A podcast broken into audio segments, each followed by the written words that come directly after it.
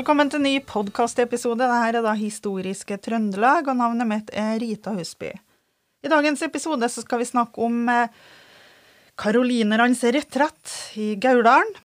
Det var jo generalløytnant Carl Gustav Armfelt som ble utpekt til å lede den jämtlandske hæren. Han var født i Finland, men han hadde sine aner fra Frøsøen.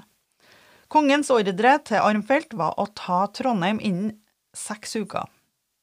Felttoget starta i Duved, men her er vi nødt til å gjøre forhistorien veldig kort, for at det er retretten vi skal snakke om. Dette er jo kjent for mange.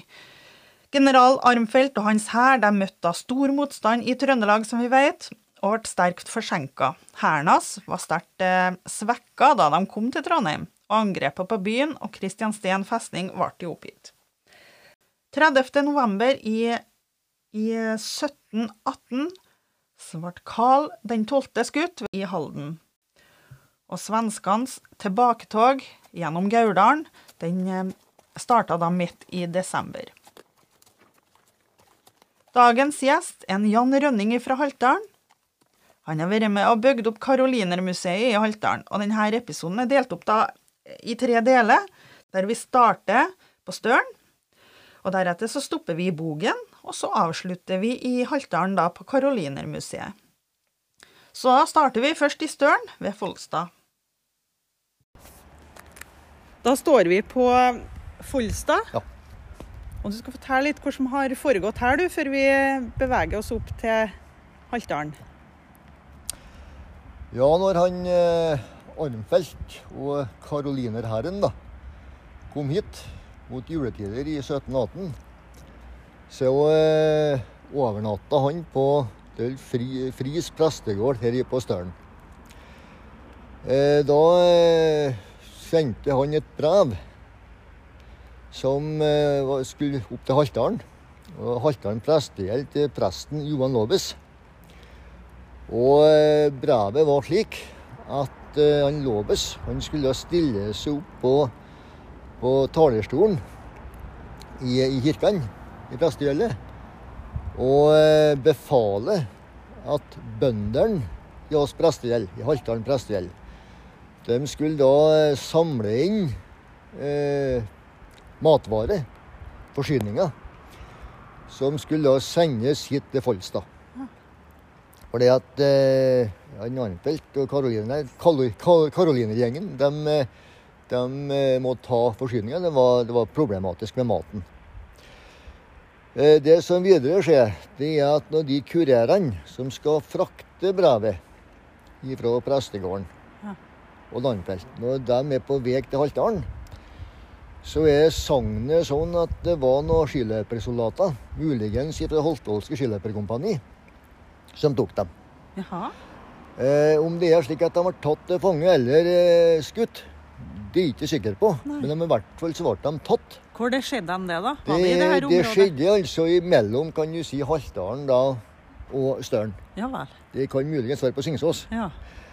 Eh, men det Sånn som det er sagt, da, så at det brevet kom aldri fram til en Lobes på prestegården eh, i, i Haltdalen. Gamle prestegården som i dag heter Gamlegården. Så eh, det kom ikke matforsyninger hit til Falstad.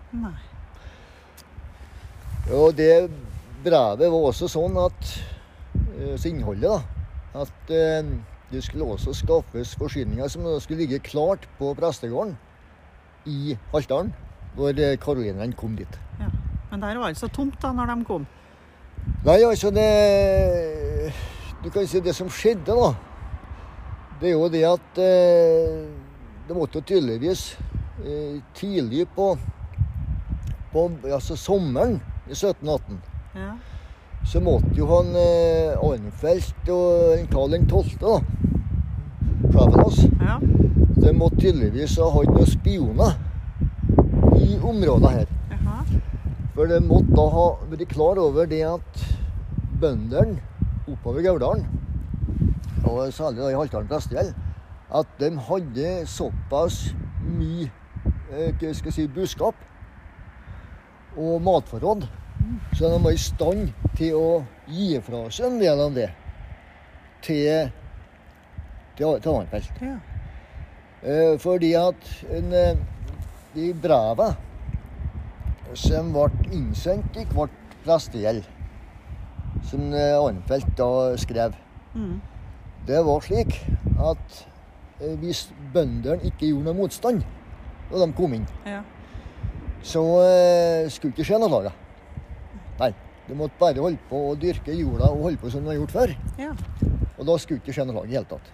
Men hvis de ikke gjorde det, da ble det trua med både fall drap, men at gårdene kunne bli nedbrent. ja. Mm. Men eh, du vet at eh, det som skjedde før Arnfeldt kom hit i desember måned, så var det jo at på høsten 1718 da hadde jo eh, Forsvaret styrt det norske forsvaret, da. Dansk-norske dansk forsvaret ja. som var styrt fra Trondheim, de hadde jo tatt mottiltak. Og en av mottiltakene det var det at bøndene de tok ganske enkelt buskapen og gjemte den i skogen, Mm. i gjemselsrom, og den gangs på setra. Mm. Så det som faktisk lå atte på gårdene, når buskapen var, var gjemt, det var høy og halm. Det skjedde egentlig oppover hele dal før her, det. Ja. Eh, men det er klart at når krigserstatninga som ble søkt på i 1719, som, var, som ligger på Statsarkivet i Trondheim, Ja. når jeg holdt Halvdan Prestevold, så hadde de hadde, var store budskaper. og eh, bra avlinger, sånn som det ble sett på. Mm. Men eh, da som nå, da, så ble da, da eh, Støren et knutepunkt.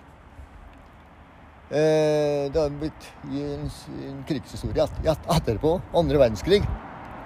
Men i hvert fall så eh, var det hit til Folstad at Arnfeldt da det regna med at eh, det skulle komme matforsyninger fra Haltdalen prestehjem. Ja. Som da ikke gjorde. Ja, fordi at brevet, de kaller vi for patentet, det brevet kom ikke opp til Johan Lobes, som var prest i Haltdalen prestehjem. Sånn var det. Ja, når vi står her på Bogen i Singsås, så eh, kan vi òg se for oss tilbake til 1718, 1719. Da når Arnfeldt og karolinerhæren kom oppover her. Det var jo eh, fortroppen og hovedtroppen. De kommer nesten før en Arnfeldt oppover her. For at de, eh, de ville liksom ha det klart. For de slapp en general. Mm. At det var klart på de og de plassene. Mm. Eh, skal vi ta en sammenligning nå? Eh, så kan du si at eh, folketelling i Midtre Gauldal i 2014 Det var vel en befolkning på over 6000. Jaha. Ikke 7000, men jeg tror det ligger på over 6000 og noe 100 innbyggere. Ja vel. Og noen når for oppover her med sine tropper, så var jo det en eh, til sammen en hær på en eh, overkant av 5000.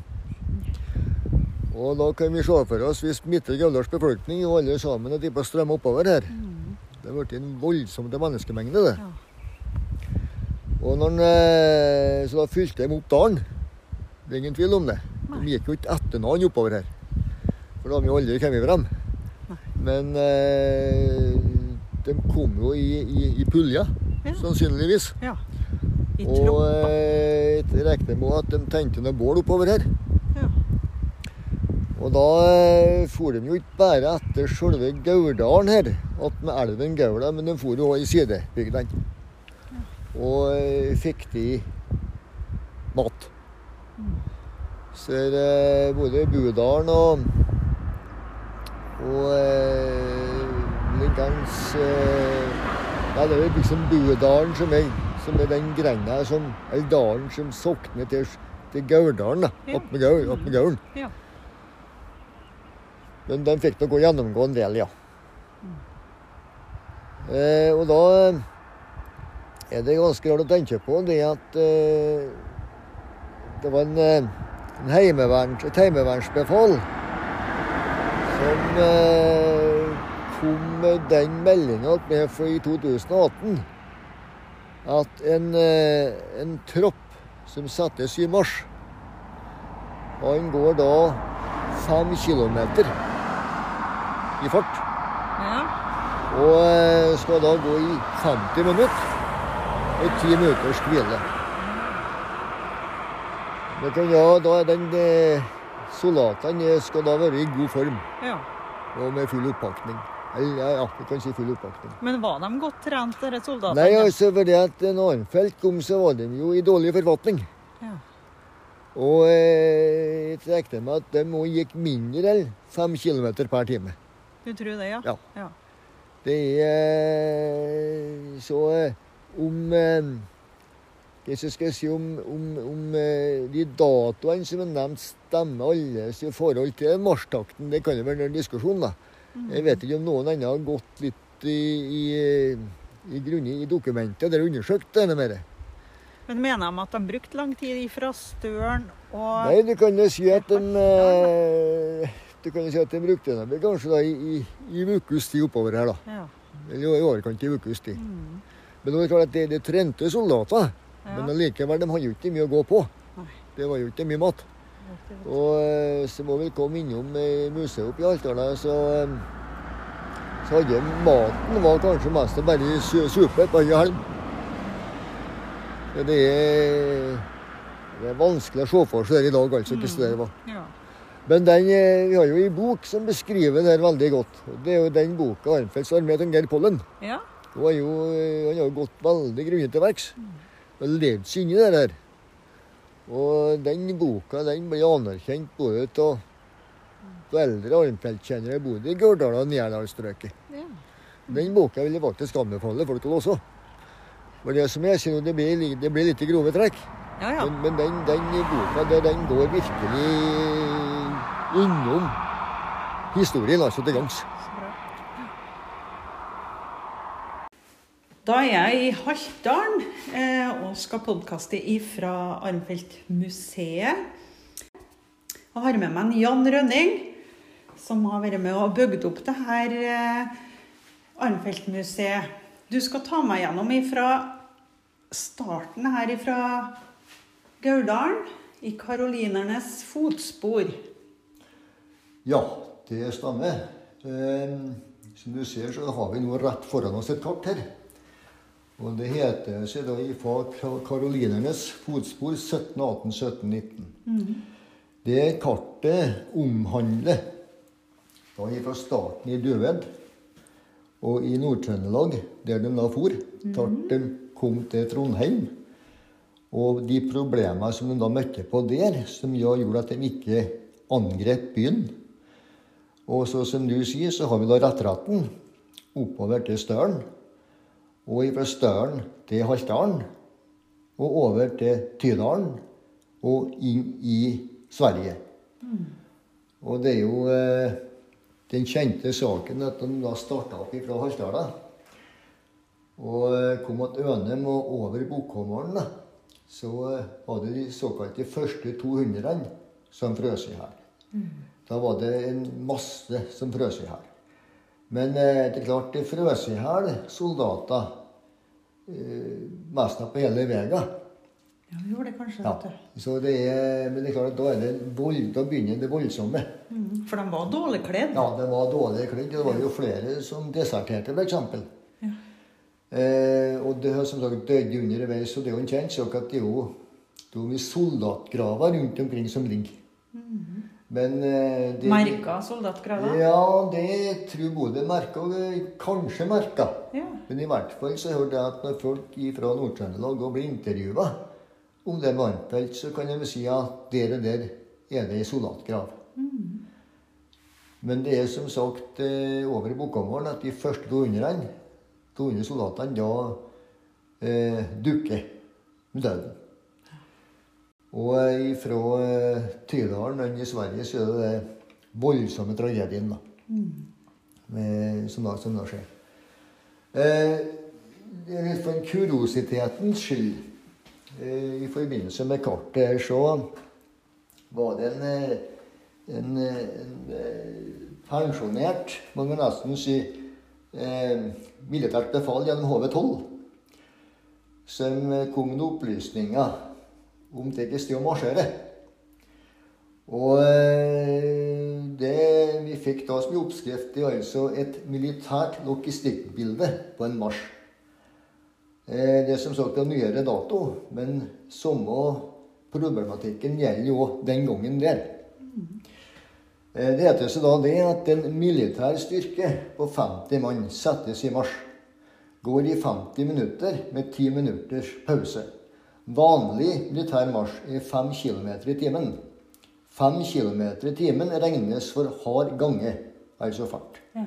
Da går man i lett påkledning med ryggsekk og er i god fysisk form.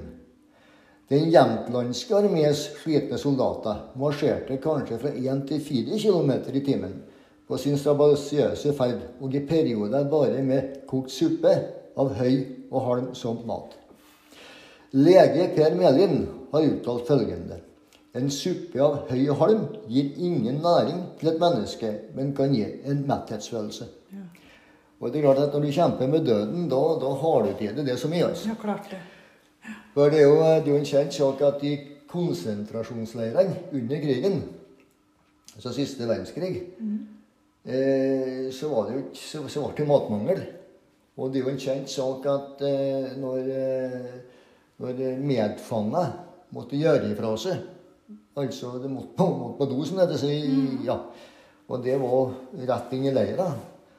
Da var medfangeren Det var da de plukka opp hvis det var noen biter av potet, f.eks. Og da altså det, med det samme problemstillinga. De slåss med døden. Og det gjorde Arnfeldt-soldatene. Mm. Vi kan jo nesten ikke sette oss inn i hvordan det var den gangen der. Når, eh, når, når sulten herja som verst i kroppen. Sult og sykdom herja som verst i troppen. Den illustrasjonen du ser her nå, attmed logistikkbildet, det er da når eh, Karoline, var på tur opp Gauldalen.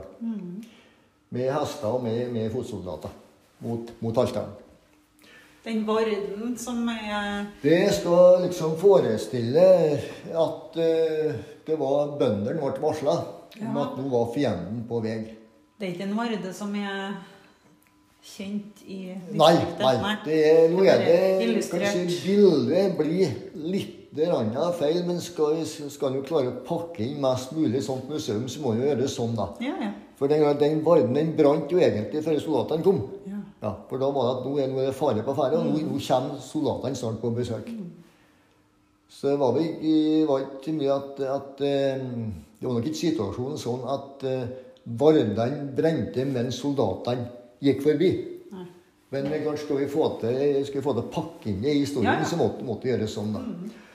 Eh, det som òg er mm, ganske interessant da, her i museet, det er jo at vi har tatt med gårder med topp. Og de opplysningene der er vi da henta fra Statsarkivet i Trondheim. Og det er da fra det embetsverket som eh, kom inn i 1719 og 1720. Når den de for rundt på hver enkelt gård og hadde opptegnelse på tapet. Det var jo da søkt om krigsskadeerstatning. ja. Og Her er det både Syngesås, Haltdalen og Ålen som er tatt med. Eh, litt patriotisme, da, kanskje. Det var med Haltdalen, da.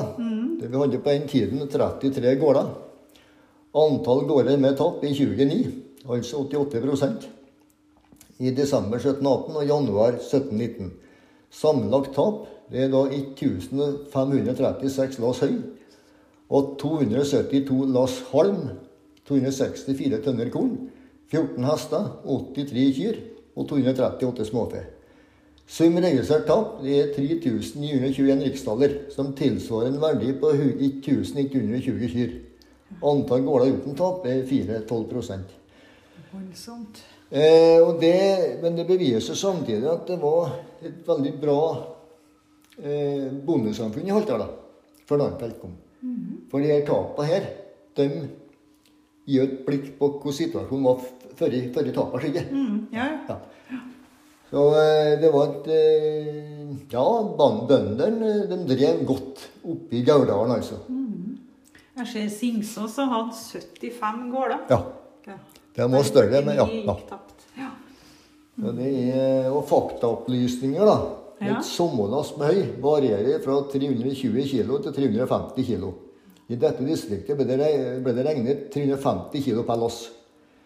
Høy, eh, lass med høy eh, fra utmarka.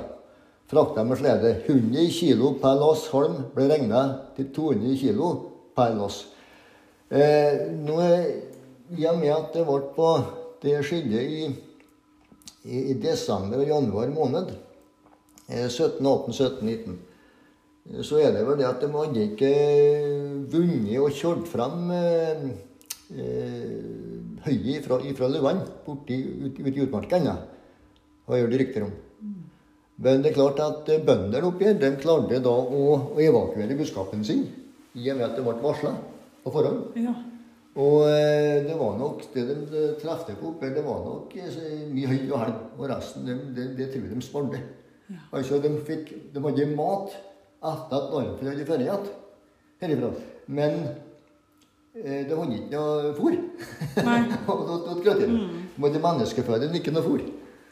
Da kommer vi tilbake til vardebrenning. Ja. Ser jeg også klokkeringing. Ja, det var nok, eh, det var nok eh, i, i Gauldalen eh, og Trøndelagen for øvrig som eh, drev med klokkeringing. Ja. For å varsle at fienden kom. For det var jo, til- det var jo, det var jo, det var jo varslinga den gangen. det. Og Vardebrenning og klokker, Mm. Var de forberedt på at de kom? Ja. Ja. Og det Vi kan gå rett og slett uh, tilbake til noe som heter tids, et tidsbilde. ja. som er i museet, det er da den svenske kong Karl 12. sin ordre om angrep på Norge og Trondheim 1718. Og det er ganske, faktisk ganske viktige opplysninger. Eh, gjennom hele våren og sommeren 1718 hadde norske speidere, godt hjulpet av lokale spioner, såkalte kunnskapsmenn, holdt den norske forsvarsledelsen underrettet om den massive militære oppmarsjen av den jämtlandske armé, som fant sted i området rundt Duved den vestlige svenske grenseskansen.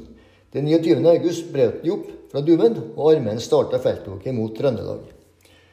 Og da var bøndene, og du må si sivilbefolkninga, i Trøndelagen og Gauldalen var varsla om at her er det ting på gjerde.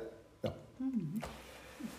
Og eh, tidsbildet, da, det er jo helt ifra de starta i Nuvel og til den faktisk eh, kommer bort i Didalen. Og det vi avslutter da det med at Arnfeldts nattkvarter på Jensgården Den jämtlandske armeen samlet seg mellom Ås og Østby, de østlige grendene i Tydal. Det var etter at de var ferdig med Angrein og førre over Bukkamann.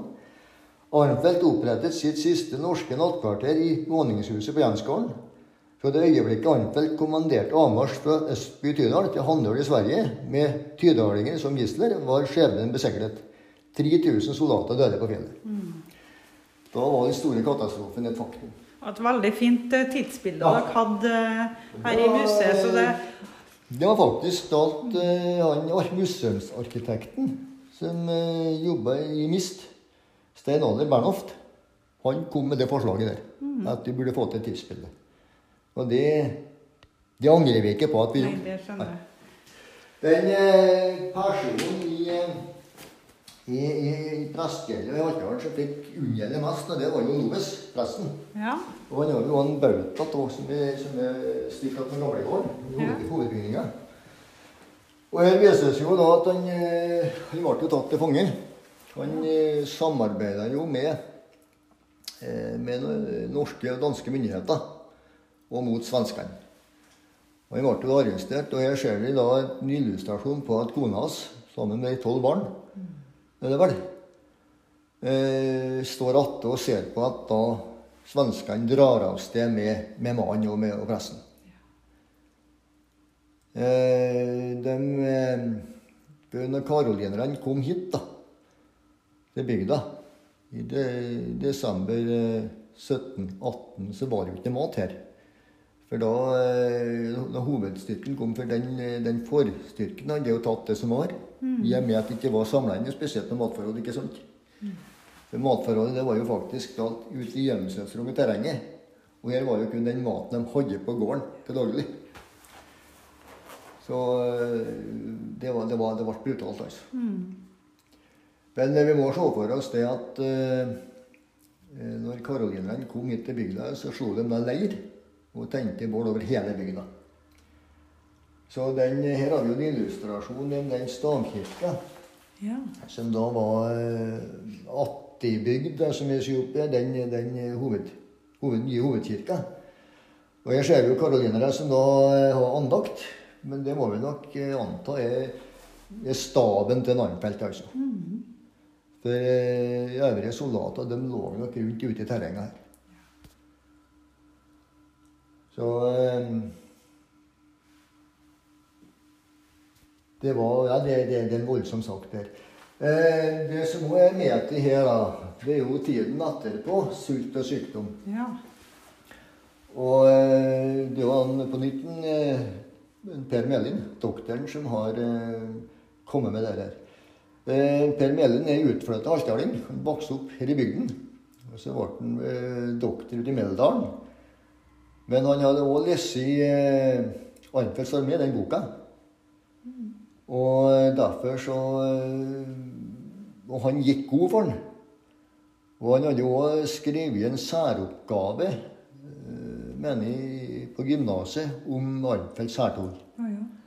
Det var tydeligvis at eh, den boka var stemt overens med det han hadde skrevet for mange mange år siden.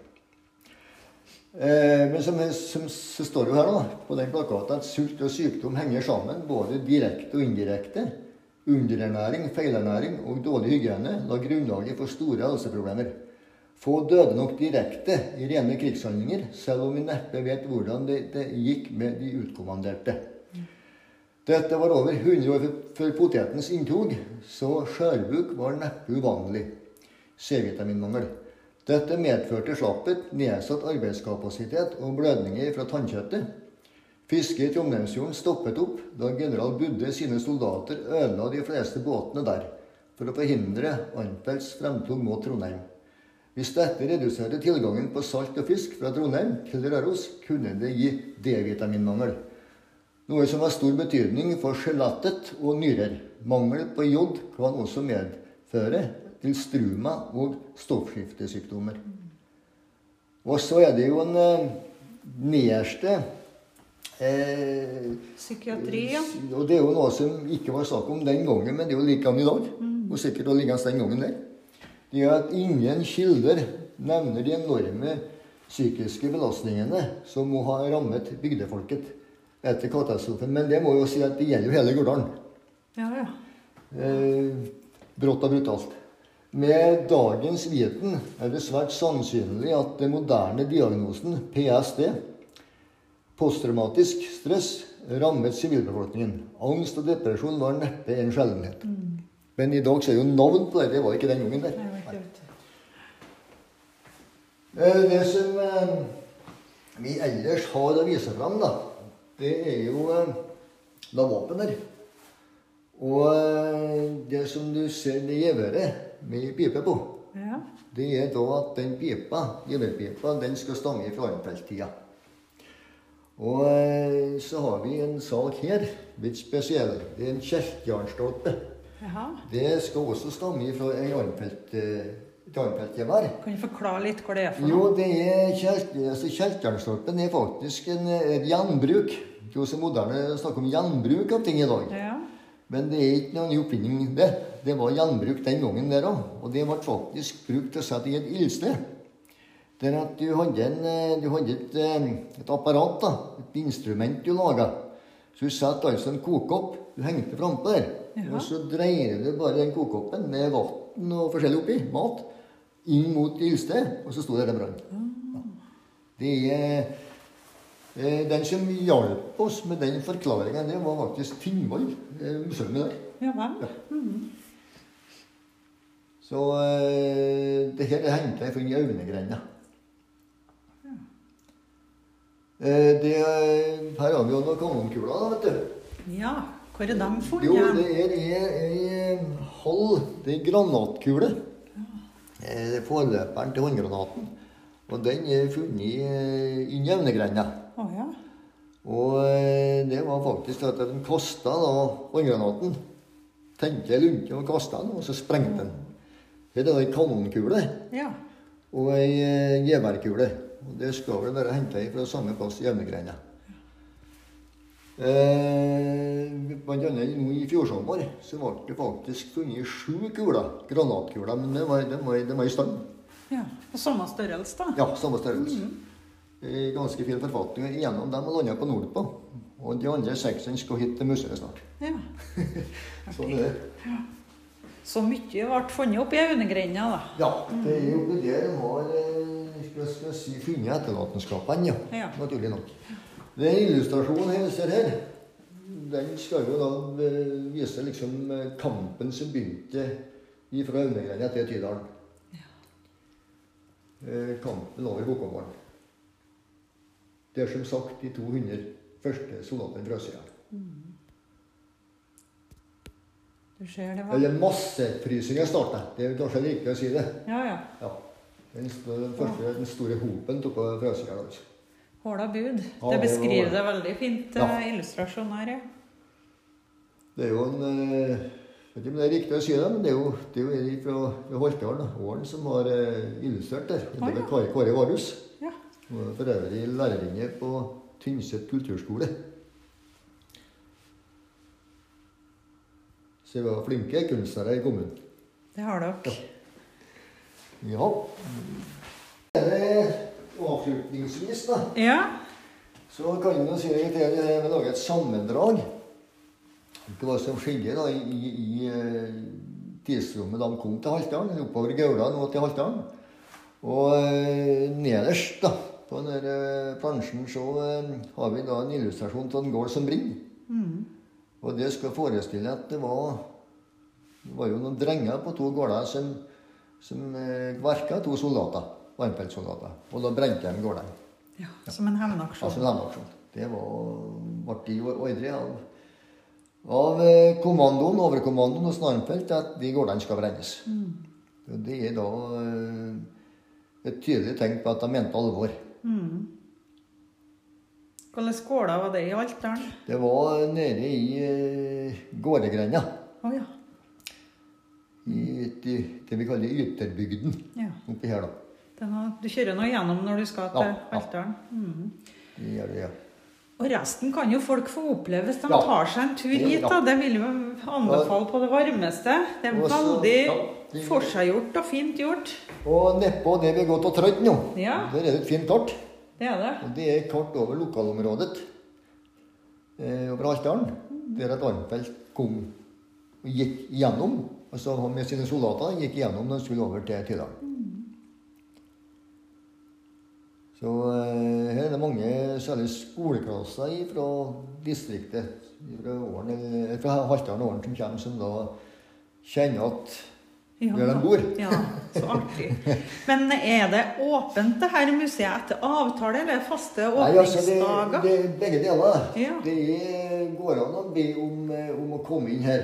Det er for det, nå er jo sånn at eh, rommet her da, utenfor museet det brukes jo til selskapelig til møte. Ja. Og da går det an å få eh, omvisning i tillegg. Ja. Men så er det jo da, når det er normale forhold, ikke pandemi på gang, så er det sommeråpent.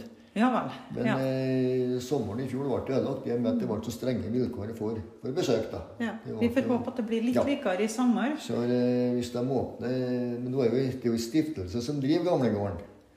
Så de har da eh, beslutningsprosessen når det gjelder å åpne her. Ja. Men eh, Da får folk bare følge Ja. med. og... Ja, det er nettopp det. Ja. Det er det vi er nødt til å gjøre, altså. Nei, men Jan Rønning, tusen takk for omvisninga. Jo, det er greit, det. Dagens episode er sponsa av Nord på fjellhotell, som ligger da i Aunegrenda. Og Aunegrenda er en koselig og usedvanlig vakker fjellbygd øst for Gauldalen. Fra Haltdalen stasjon klatrer bilveien oppover dalsida, og vi får et praktfullt panorama over den vide og veldyrkede bygda i Haltdalen. Det er et fint utgangspunkt til flotte turer i alle årstider, og nå står jo snart påska for tur. Eh, og oppi Aunegrenda er det fortsatt godt skiføre. De har eh, tradisjonelle, romantiske og moderne hotellrom. De har òg hytte for utleie. Og I tillegg så har de et flott fellesareal du kan boltre deg på, inkludert badstue og utendørs jacuzzi. De har òg gamle hotellrom som er tatt vare på fra den tida Turistforeninga drev her. Da kan du faktisk sove i de originale køyesengene. Vi må si litt om kjøkkenet til nordpå. De er jo kjent for mat på ei fjøl, som skaper da en koselig stemning rundt bordet. Her finner du kort og ureist mat, som er tilberedt på høyt nivå. Og hvorfor ikke prøve signaturretten deres, gøkburger og gøkrein? De har sin egen hjemmeside, hvor du kan lese litt mer, og likeens Facebook og Instagram. Du kan òg leie selskapslokaler til alle anledninger, og de holder en del konserter òg i Nordpåkatedralen, altså Låven.